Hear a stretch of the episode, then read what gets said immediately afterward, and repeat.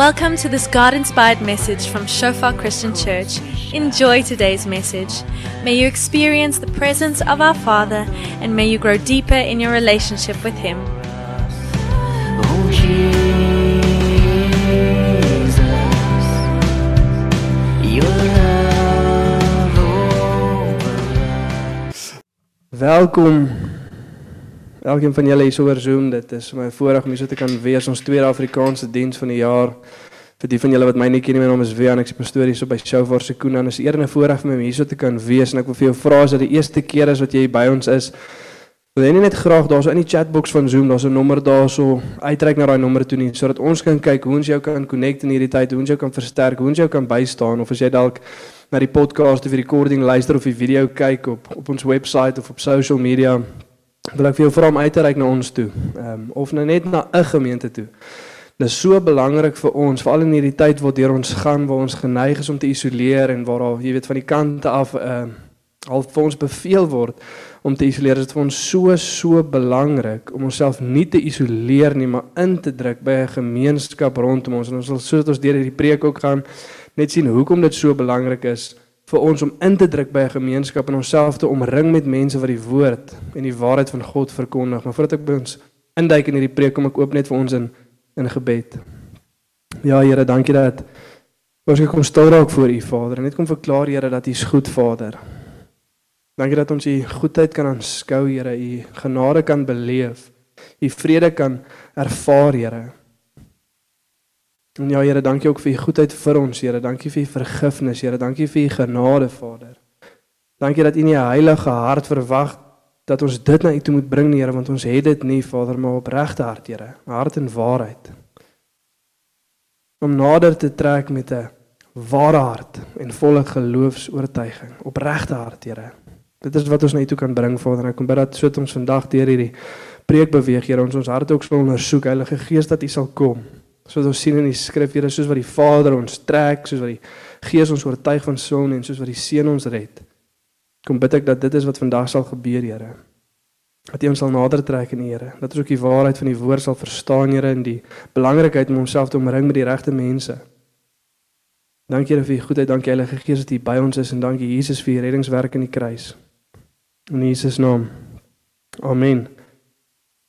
So die preek wat ons vandag gaan kyk, die titel van ons preek vandag is Heiden of Heilige deel 1. Heiden of Heilige deel 1. Sinner of saint, dis die vraag. En ons gaan 'n bietjie kyk na die storie van Dawid en wat Dawid alles gedoen het.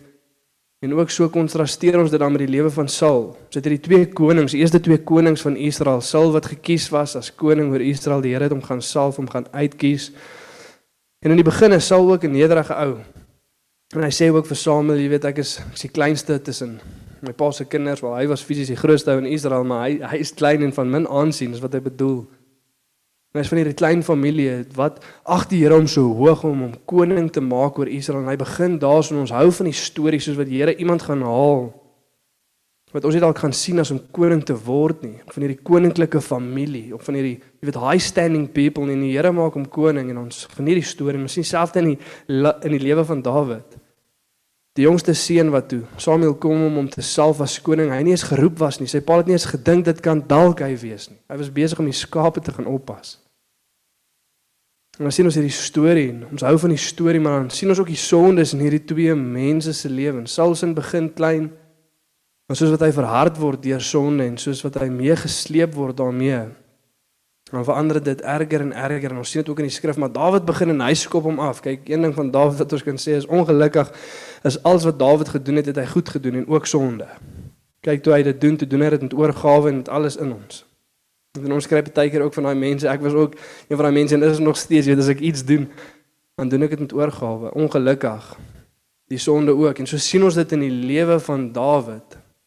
En dan vergelyk ons hierdie twee konings en dan sien ons ook in Saul se lewe dat die Here kom en hy skeer vinnig die koninkryk van Saul af weg. Hy vat sy gees van hom af weg. Hy hy sal vir uh, vir Dawid koning oor Israel. En hy verwyder vir Saul en as ons die sondes van Dawid en Saul teen mekaar opweeg, jy weet soos wat ons as mens baie keer maak, dink ons eers Here, maar Saul se se sonde was klein geweest. Dawid se was groot. Ons verstaan nie lekker wat hier aangaan nie. Want maak nie saak wat Dawid doen of hoe groot sy sonde lyk nie. Die Here vat net eenvoudig nie die koninkryk van hom af weg nie. En sy liefde en sy genade bly by Dawid. Wat gaan hier aan? Is die vraag wat ons osself baie keer doen is net voordat hulle gaan veg teen die Filistyne en die Filistyne is besig om teen hulle op te trek is nie op die skerm nie meer hulle kan self daarna gaan lees. En soos wat hy kyk en soos wat hy sien dat die mense is besig om op te trek teenoor hom en hulle moet wag vir Samuel om 'n offer toe kom gee aan die Here sodat hulle die woord van die Here en die seën van die Here kan hê in hierdie oorlog wat hulle nou gaan voer. En Samuel vat bietjie lank, hy vat langer as wat hy gesê het hy gaan vat. So nou sien ons ook dat Saul is nie die een wat eerste iets oortree so nie, dis Samuel wat eintlik te lank vat. En Saul besluit hy doen toe 'n goeie ding. Ek gaan sommer uit my eie uit die offergawe wat die priester veronderstel is om te doen voor God gaan offer sodat sy seën op ons kan rus sodat ons in die oorlog ingaan. Hy doen dit nog met 'n goeie hart ook. Ja, ons kan sê hy was bietjie bang vir die mense en hy het nie gewag op God om hom te lei nie. Maar dit is wat wat sal doen. En hier kom Samuel en hy sê die Here gaan die koninkryk van jou wegvat. En hy gaan 'n man soek na aan sy eie hart en die koninkryk vir hom gee. En dan dink ons, "Jesus, Here, is dit nie 'n klein sonde nie?" Dis mos nou nie regtig iets groots nie. En sommer net so dadelik. En dan 'n paar hoofstukke later dan kom Samuel weer na Saul toe en is asof die Here vir hom 'n tweede kans gee en hy sê die Here het my geroep om jou te salf koning oor Israel. Hy herinner hom aan wat God hom geroep het om te kom doen. En dan sê hy die Amalekiete se sondes is groot en hulle trek op teen ons as 'n nasie. Die Here stuur jou om die Amalekiete te gaan vernietig. Hy wil hê jy moet gaan en jy moet geen mens lewendig los nie, geen dier nie, niks, gaan verwoes alles. Dis wat die Here jou stuur om te gaan doen. Dit klink ook vir ons bietjie wreed. Maar die sondes van die Amalekiete was groot en hulle het die nasies van die wêreld ingetrek in daai sonde en so God se oordeel oor hulle is regverdig en hy sê gaan verwoes hierdie nasie. Want omdat hulle doodmaak en verwoes, moet hulle doodgemaak word en verwoes word. Regverdige oordeel van God af. En dan sien ons die een ding wat Saul doen is hy hou van die beste diere. En sy rede daarvoor is is om aan God te gaan offer. Weerens dit lyk asof dit met 'n goeie hart is wat hulle hierdie ding doen. Hulle hou net van die diere oor, hulle maak ook nie vir Amalek, die koning van die Amalekiete dood nie. So Saul se sonde is hy maak nie iemand dood nie. En as ons weer eens sê Here dit dit lyk net so bietjie klein hierdie sonde in vergelyking met Dawid se. En dan kom die Here en hy salf Dawid koning in plaas van Saul. Die gees van die Here gaan van Saul af weg en dit kom op Dawid en daar word 'n bose gees vir Saul gegee om hom te torment. Om teen die mure uit te dryf. En dan sien ons Saul se sonde raak groter en groter, maar dit is klaar dat die Here van hom af weggegaan het. En dan op die einde word hy en sy seun doodgemaak in oorlog. En ons kyk na Saul se storie en ons is half jaakie ons verstaan die Here is regverdig. Hy het nie gedoen wat die Here gesê het nie. So die Here kan sy koninkryk van hom af wegvat. Sy sonde het groter geraak en toe word hy ook self doodgemaak. Ons verstaan die oordeel van die Here en dit klink regverdig, maar as ons dit vergelyk met Dawid se dan vra ons Here wat gaan nie aan? En ek wil ons sommer net 'n waarskuwing gee voordat ons begin lees en sodat ons deur hierdie preek kan kyk. Ons gaan so 'n paar weke na die lewe van Dawid kyk.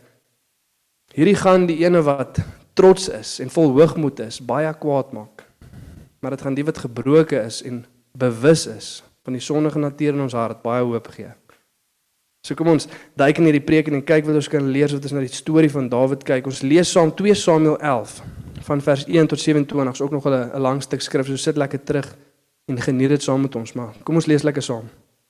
In die lengte, die tyd waarin die konings gewoonlik optrek om oorlog te maak, het Dawid op 'n keer vir Joab en sy soldate en die hele Israel uitgestuur. Hulle het die Ammoniete verslaan en Raba beleer, maar Dawid het in Jerusalem agtergebly. Baie belangrik om op te let. Dawid het nie gegaan toe die konings moes gaan nie. Dawid het nie saam sy mense gegaan nie, maar hy het homself geïsoleer. Eendag het hy na sy middagslaapie opgestaan, ja. Mense in die Bybelse tyd het ook middagslaapies gevat. Het hy na sy middagslaapie opgestaan en op die dak van die paleis gaan rondstap. Van die dak af het hy 'n vrou sien bad. Sy was 'n baie mooi vrou. Dawid het oor haar laat navraag doen en iemand het gesê dit is Batseba, dogter van Eliam, die vrou van Uria, die Hitit. Dawid het toe amptenare gestuur en haar laat haal. Dit was nadat sy haar reinigingsbad geneem het na haar maanstonde. Sy het na hom toe gekom en hy het by haar geslaap. Daarna is hy terug huis toe. Die vrou het swanger geword en vir Dawid laat weet ek is swanger. Dawid het op sy beurt 'n boodskap na Joab toe gestuur. Stuur vir Uria die Hitit hiernatoe. Joab het hom na Dawid toe gestuur en Uria het by hom gekom en Dawid het hom gevra hoe dit gaan met die met Joab en die leer en hoe vorder die oorlog. Hierna het Dawid vir Joria gesê: "Gaan nou maar huis toe en rus 'n bietjie." Dawid wil sy sonde bedek. Toe Joria die paleis uitgaan, het die koning ook nog 'n geskenk agter hom aangestuur. Maar Joria wou nie huis toe gaan nie en hy het by die paleisdeur gaan slaap saam met die slawe van die koning. Hulle het vir Dawid gaan sê Joria was nie huis toe nie. Dawid vra toe vir Joria: "Jy was mos lank weg. Waarom gaan jy nie huis toe nie?" Sy antwoord was: "Sou ek huis toe gaan om te eet en fees te vier en by my vrou te slaap terwyl die ark en Israel saam met Juda in hutte woon en my aanvoerder Joab sowel as die soldate in die oop veld kamp opslaan? Dit sal ek beslis nooit doen nie." Dawid het Joria toe beveel: "Bly vandag nog hier. Môre stuur ek jou terug." Joria het daardie dag en die dag daarna in Jerusalem vertoef. Toe het Dawid hom geroep om saam met hom geëet en gedrink. Hy het homself dronk gemaak. En die sonde gaan aan en aan en dit word groter en groter. Maar die aand het Joria uitgegaan om op sy gewone plek saam met die slawe van die koning te gaan slaap. Hy het nie huis toe gegaan nie. Die volgende oggend het Dawid 'n brief aan Joab gestuur en saam met Joria gestuur. In die brief het hy geskryf: Gee tog aan Joria 'n plek op die voorpunt waar die geveg kwaai is. Val dan terug sodat hy in die slag kan bly en sneuwel. Terwyl Joab die stad beleer het hy Joria op 'n plek gesit waar hy geweet het dat daar is dapper teenstanders. Die burgers van die stad het uitgekom en teen Joab geveg. Daar het van Dawid se soldate gesneuwel en Joria die Hittite het ook omgekom. En net om vinnig daar te stop, net om vir ons 'n bietjie perspektief te gee van wat hier aangaan. Dawid stuur hierdie mense uit en hy doen hierdie wrede ding teenoor hierdie ouens en om vir hulle 'n bietjie agtergrond te gee oor Joria. Hierdie was nie 'n gewone soldaat nie. Hy het verstaan wat hulle nou besig was om te doen, maak nie sin nie. Ons moenie hier veg nie, ons moenie so naby aan die muur gaan nie, ons gaan dood geskiet word. Maar tog het hy 'n groot ehm um, ehm um, loyaliteit teenoor sy aanvoerder, teenoor sy heers en hy doen maar soos wat Joab sê. En hy gaan in en hy weet dit maak nie lekker sin dit waarmee ons nou besig is nie want Joria was nie 'n gewone soldaat nie. As dit praat in 2 Samuel 23 van die dapper manne van Dawid, the mighty men of valor, dan is Joria een van hulle. Een van die ouens wat vir berge wat vir Dawid berge versit het. Wat by sy sy was, wat so lojaal was teenoor Dawid. Wat oorlog te geveg het, wat duisende verslaan het sodat Dawid 'n man aan sy eie hart was. Hierdie is my vriend. Hier is iemand waarteenoor ek lojaal is. Dit was nie net 'n soldaat nie. Dawid het hom ook goed geken. Deel van die 30 dapper manne van Dawid. En soos wat Joria veg en soos wat hulle druk na die muur toe en hy besef hierdie maak nie lekker sin nie. En so vir die pile begin skiet, kyk hy om en hy sien ewe skielik trek almal terug van hom af weg en hy dink broers, wat maak julle? Hoekom los julle my hier alleen? Dit maak nie sin nie. Wat het ek gedoen? Hoekom los julle my hier? En in daai oomblik soos wat die pile omtref, dink hy dalk terug aan sy vrou. Miskien moes ek maar daai paar dae toe ek in Jerusalem was na my vrou toe gegaan het. Die vrou vir wie ek so lief was, ek gaan haar nooit weer sien nie. En nie net gaan Joria dood nie, maar ook sommige van Dawid se mense terwyl Dawid besig is om sy sonde te bedek. Dis wat Dawid mee besig is. Dis wat hier Joria se kop gaan. Wat gaan nie aan, Here? En dan lees ons verder. Joab het Dawid laat inlig oor die verloop van die geveg. Hy het die boodskapper beveel as jy vir die koning die verloop van die geveg klaar vertel het. En net as hy begin kwaad word en jou vra, "Waarom het julle so naby die stad gaan veg? Het julle nie gedink aan die mense wat bo van die muur af skiet nie? Wie het vir Abimelek seun van Jerubesef doodgemaak?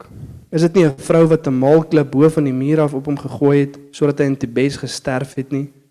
Waarom het julle so naby die muur gekom? Dan moet jy sê ook die manskap Joria die Hitit het gesneuwel. Snaaks ons deerskrif kyk en baie keer goed wat in ons eie lewe gebeur as ons 'n dom besluite maak of jy weet baie keer sê ons jy weet hierdie hierdie onnoosel besluite wat die mense maak of met die sonde wat ander mense doen, dan raak ons baie keer kwaad behalwe as dit ons bevoordeel. As dit ons bevoordeel dan smile ons lekker, selfs met die sonde in ons lewe baie keer. Is dan hierdie sonde wat die Here gebruik om ons te dissiplineer tot die sonde waarvoor ons hou, die sonde word wat ons haat. En ons gaan oor 2 weke 'n bietjie daarna kyk ook hoe die Here ons dissiplineer deur ons sonde. Maar dis wat gebeur. Die boodskap het vir Dawid als gaan vertel wat Joab hom beveel het. Hy het vir Dawid gesê die vyand het dapper teen ons geveg. Hulle het tot in die oop veld na ons toe uitgekom En toe hulle by die stadpoort terugdruk, het die boogskieters bo van die muur af die manskappe begin raakskiet. So het party van die koning se soldate gesneuwel en ook Joria, die Hitit, het so gesterf. Dawid het die boodskapper beveel sê vir Joab, jy moet jou dit nie te veel aantrek nie. Dit gebeur nou maar eenmaal sodat mense sneuwel. Veg dapper in jou stryd teen die stad en verwoes dit en praat hom moed in. Joria se vrou het gehoor dat haar man dood is en sy het oor hom getreur. Toe die rou tyd oor was, dit is min of meer 7 dae, het Dawid haar na sy huis toe laat haal. Sy het sy vrou geword en vir hom 'n seun in die wêreld gebring. Maar dit wat Dawid gedoen het, was verkeerd in die oë van die Here. Jy weet ons sien dit wat hier gebeur en, en net 'n bietjie konteks wat ek wil skep rondom Dawid op hierdie oomblik. Dawid is nie 'n ongelowige nie. Hy's ook nie 'n nuwe gelowige nie. Nie dat dit oukei okay sou wees vir 'n nuwe gelowige of of dat ons dit verwag van 'n nuwe gelowige nie, maar ons moet verstaan waar Dawid is in hierdie tydperk van sy lewe. Hierdie is nadat Dawid in sy eie privaat lewe baie oorwinnings ervaar het, soos wat hy alleen was saam met die skape en hulle opgepas het en 'n beer en 'n leeu kom om die skape te steel.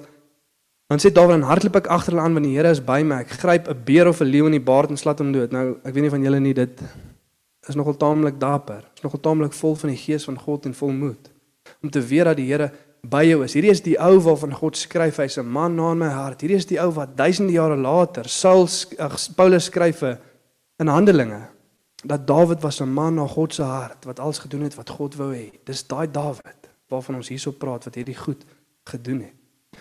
Hierdie is nadat Dawid opgetrek het na sy broers toe wat in die oorlog was en toe Goliat uitkom en die Here vervloek toe sê hy wie's hierdie onbeslyde Filistyn wat die Here so vervloek? Ek sal gaan oorlog maak teen hom terwyl die res van die Israeliete bang was.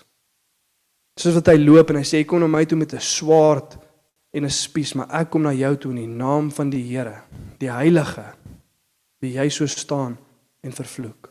Dis daai Dawid wat Goliat oorwin. Dis daai Dawid wat terugkom en vele oorwinnings in die oorlog het vir Israel met die Here by hom. Dis hierdie Dawid wat vir die Here sê vir u wil ek 'n tempel laat bou, want ek bly in hierdie wonderlike huis maar Die ark van God is in 'n tent.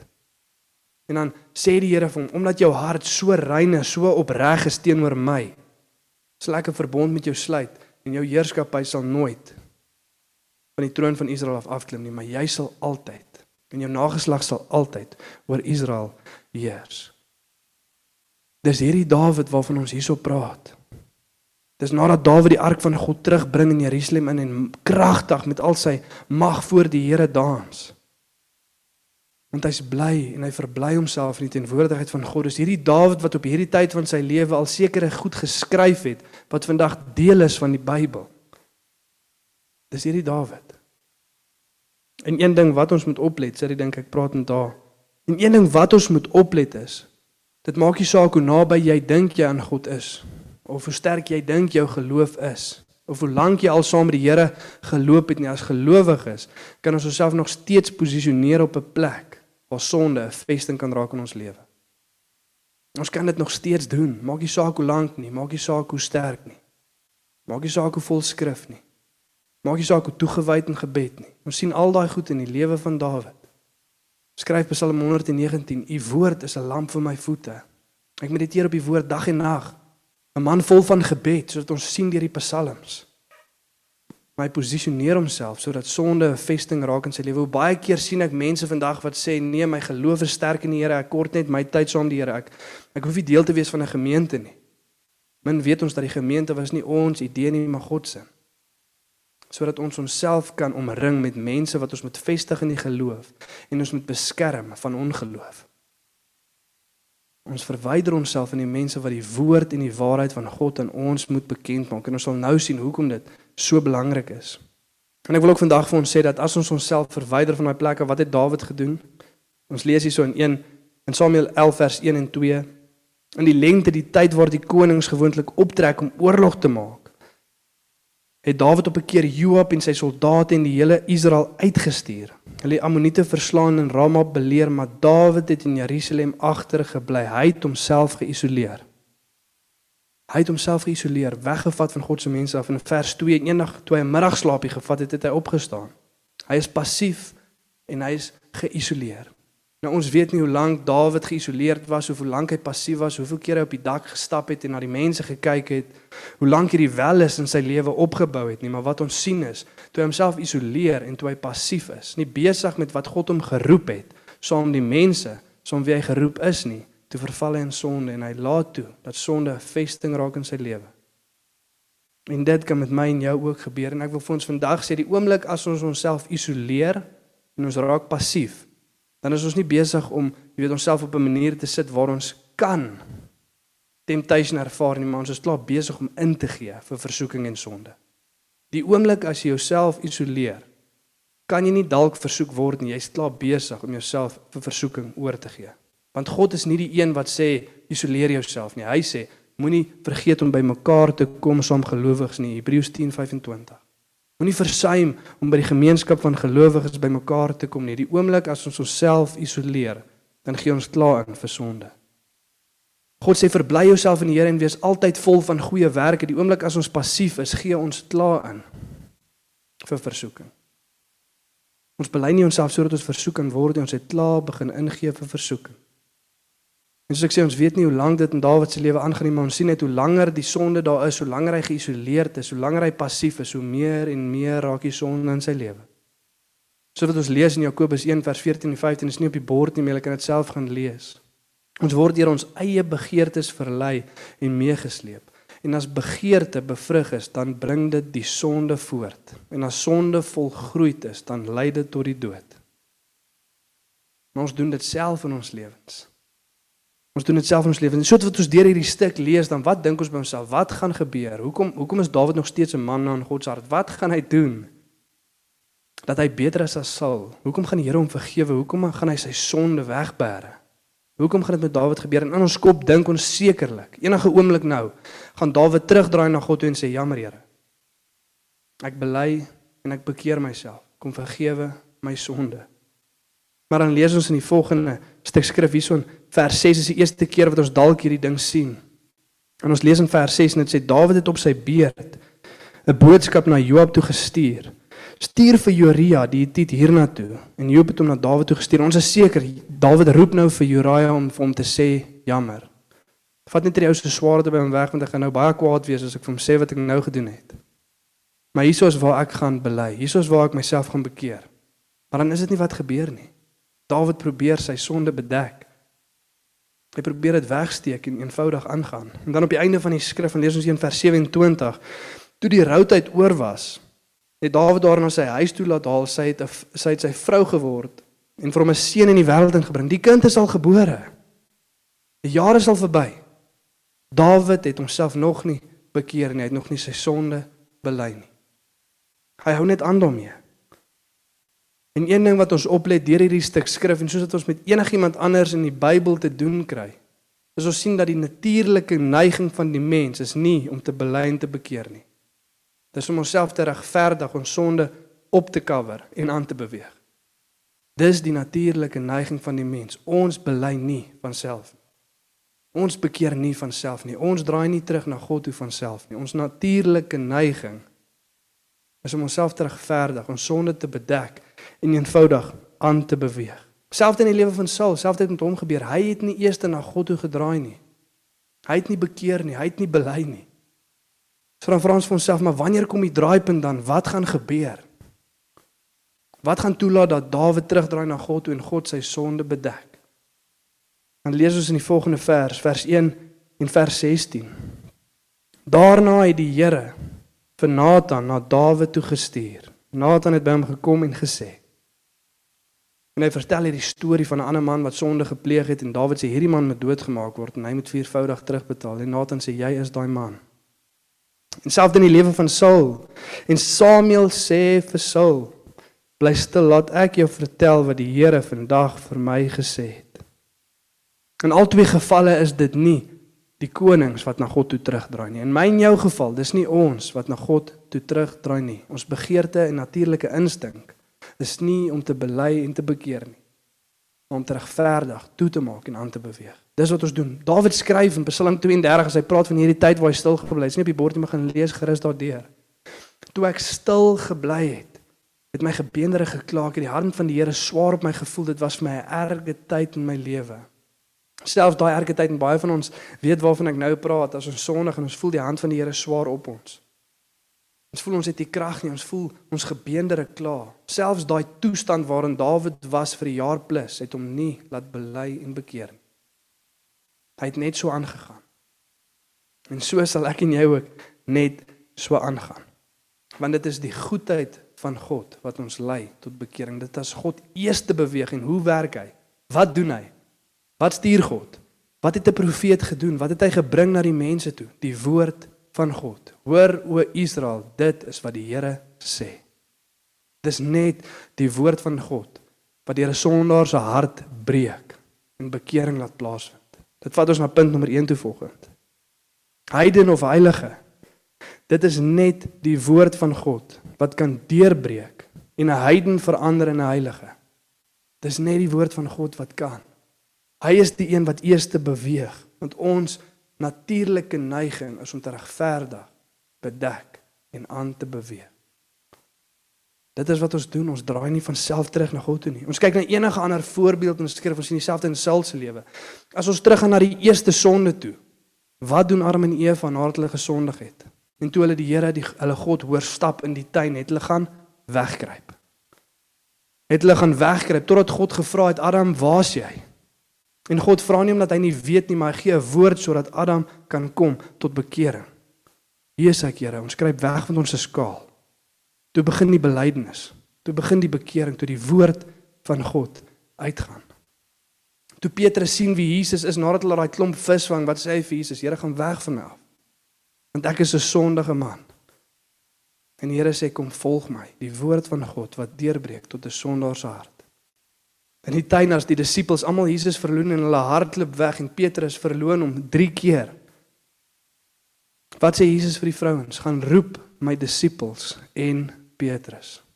Laat die woord van God na hulle toe gaan want as ek hulle nie terugroep nie, dan sal hulle nie terugkom nie.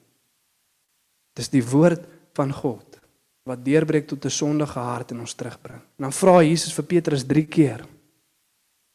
En hy gee hom 3 geleenthede om te ber, te bely en te bekeer van die 3 keer wat hy hom verloon het. Petrus, het jy my lief?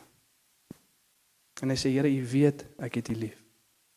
Dis nie heilige hart nie, maar is 'n opregte hart met opregte belydenis. En ons sal volgende week bietjie kyk na opregte hart en opregte belydenis. En hierdie sluit aan by laasweek. Ons is geroep om die woord van God uit te dra. As jy nie laasweek se boodskap geluister het nie, gaan luister asseblief na dit op ons podcast webwerf of op ons social media pages, maar wie sal vir ons gaan? Ons is gestuur om die woord van God aan mense te gaan verkondig, want is net die woord wat 'n heiden verander in heilige. Dis net die woord wat deurbreek na 'n sondige hart toe. Anders sal ons bedek, regverdig en aanbeweeg. Dit is ons natuurlike neiging. Paulus skryf in Romeine 1 vers 16, dit is op die bord nie, wil ek self daarna gaan lees. Ek is nie skaam vir die evangelie nie, want dit is die krag van God tot redding. Dit is die krag van God tot redding. Wat is die evangelie, die woord van God? Alles is in Romeine 10:17, maar die geloof kom deur die gehoor en die gehoor deur die woord van God. Dis die woord van God wat deurbreek tot 'n sondige hart. Dis net dit wat ons harte sal verander. In Handelinge 2 as Petrus klaar gepreek het, dan sê dit in vers 37 en toe die mense dit hoor, was hulle diep geraak soos die Engels sal sê they were cut to the heart. They were cut to the heart. Hoekom? Toe die woord van God verkondig was. En hulle vra wat moet ons doen? En Petrus sê bekeer julle en laat julle self doop. En julle sal vergifnis ontvang en die Heilige Gees as gawe. Toe hulle die woord hoor, toe bekeer hulle self. In Openbaring 2 en 3 Dan lees ons hierdie briewe wat geskryf word vir die kerk en sê dit laat hy wat 'n oor het hoor wat die Gees vir die kerk sê. Bekeer jouself. Maar dis die woord van God wat kom sodat ons ons harte kan draai. So ons sien dat die verskil tussen Saul en Dawid is nie die een wat eerste na God toe gedraai het nie want hulle albei het nie. So dit gaan nie oor ons wat eerste na God toe draai nie want ons kan nie. God is altyd die een wat eerste beweeg, maar as hy beweeg, as hy roep, as sy woord kom, dan moet ons reg reageer teenoor die woord van God. En dis waarna ons volgende week gaan kyk. Maar vandag los ek ons met die volgende vers. Lukas 19 vers 10. Is hierdie nie die evangelie nie, die woord van God wat eers te kom? Die seun van die mens het immers gekom om te soek en te red wat verlore is. Die seun van die mens Jesus het gekom om te soek en te red wat verlore is, want ons draai nie na God toe nie. Hy beweeg eerste. Ons lees in Romeine 3 van vers 10 tot 12 is ook op die bord nie, maar gaan lees daarna. Ons sê dit is geskrywe die mens is nie regverdig nie. Niemand is regverdig nie. Niemand is verstandig nie. Niemand soek God nie. Nie hulle almal het weggeval. Daar's nie een wat goed doen nie, nie is een nie. Niemand soek God nie. Maar God is die een wat eerste beweeg. En dan lees ons in Romeine 2 vers 4. Die Here is ryk in goedheid, barmhartigheid en geduld. Dan vra Paulus, verstaan jy dan nie dat God deur sy goedheid jou tot bekering wil lei nie? Verstaan jy dit nie? As jy kyk na God se geduld vir ons in die midde van ons sonde, dat hy deur sy goedheid ons tot bekering wil lei nie, want hy is altyd die een wat eers beweeg. Ons ons gaan nie na die Here toe nie. As dit nie vir hom is wat die 99 los om die een te gaan soek nie, dan sal daai een nooit terugkom nie. En die Here het deur die afgelope paar jare sekere ding altyd op my hart gedruk so so vrees as jy as jy dit sou wil sien ek wil dit graag vandag met ons deel want ek voel dit sluit so mooi in by vandag se preek. Dis in Engels, maar dit sê die volgende is op die skerm daarso. If it was not for the shepherding work of God continually drawing us near, we all would simply fade away. If it was not for the shepherding work of God continually drawing us near, we all would simply fade away. As God nie ons konstant roep nie, as hy ons nie gaan haal en gaan soek nie, as hy ons nie nader trek nie, dan bekeer ons nie onsself nie. God is altyd die een wat eers beweeg en party van ons voel op nuut daai woord van die Here wat roep sodat ons osself kan bekeer vanoggend en ek wil vir jou sê bekeer jouself en draai terug na die Here toe. So wat dit sê in Sagaria 9:12 bekeer jouself en draai terug na jou vesting toe, jou gevangene van hoop. Ons is gevangenes van hoop as ons onsself terugdraai na ons vesting toe wat God is. Ek gaan bid en ek gaan vir ons afsluit en dan gaan ons in ons breakout rooms ingaan en weer eens asseblief gaan in die breakout rooms en of as jy nie in die breakout room ingaan nie, kry vir jouself iewers iemand waar soms jy kan bid, waar soms jy kan gesels. Want as ons onsself verwyder van God se mense af, verwyder ons onsself van die een is wat geroep is om die woord en waarheid van God in ons lewens in te spreek om vir ons die geleentheid te gee om terug te draai na God toe deur sy goedheid. Moet jouself nie wegvat van die gemeenskap van gelowiges nie, want deur hulle spreek God om ons terug te lei na bekering toe. En as die Here iemand op jou hart druk, gaan praat met daai persoon. Ryk uit bel. Gee daai harde woord doen dit want dit is deur die woord van God wat hy vir ons gee vir ander mense wat hulle toegelaat word om deur sy goedheid terug te draai na God toe. Moenie terug as die Here jou na mense toe stuur en lei nie. Nag vir ons afsluitende gebed en volgende week sal ons aangaan met die storie. En ek wil hê ons moet in ons breakout-rooms twee goeters bespreek. Eerstens, wat het vir jou uitgestaan in vandag se preek? En tweedens wil ek hê ons moet vir mekaar bid sodat ons die vrymoedigheid te kan hê om te respond as God ons roep met 'n woord om te bekeer maar dat ons ook sal gaan as hy vir ons woord gee om vir iemand te gaan gee. Daai vrymoedigheid. Here, hier sê ek ek bekeer myself, maar Here, hier sê ek ek gaan na die mense toe wat U my stuur. Ek vir ons bid en dan gaan ons ons breakout rooms induik. Ja Here, dankie vir U goedheid, Vader. Dankie vir U guns, Here. Dankie vir U woord wat altyd eerste kom. Dankie vir U herderswerk wat altyd terugroep, Here. En ek kom bid Vader dat soos wat mense hier na luister Here vandag Vader of selfs die recording of die video kyk Here dat hulle sal weet dat U is besig om mense terug te roep. Die woord wat kom besef ons dan nie dat U deur die goedheid ons wil lei tot bekering nie. En ek bid Here vir die vrymoedigheid vir elkeen wat daai woord die Here Vader in daai gevoel in sy hart voel dat die Here my terugroep om nie terug te hou nie, maar om terug te gaan na sy vesting toe, Here wat U is. Sodat ons vergifnis kan ervaar. Met opregte harte nader tot U, Here. Dankie Vader dat ons weet, Here, dat U die een is wat eerste beweeg. Dit is net die woord van God wat 'n sondige hart kan binnendring, kan sag maak. En ons kan lei na U toe. Dankie Heilige Gees dat U is die een wat ons oortuig van sondes. Dankie Jesus dat U die een is wat red. En dankie Vader vir U goeie plan vir ons in Jesus naam. Amen. Geniet julle breakout rooms en weer eens daai twee vrae. Wat het vir jou uitgestaan en bid vir mekaar vir vrymoedigheid om te bekeer as God jou roep en om te gaan as God jou stuur. Lief vir julle.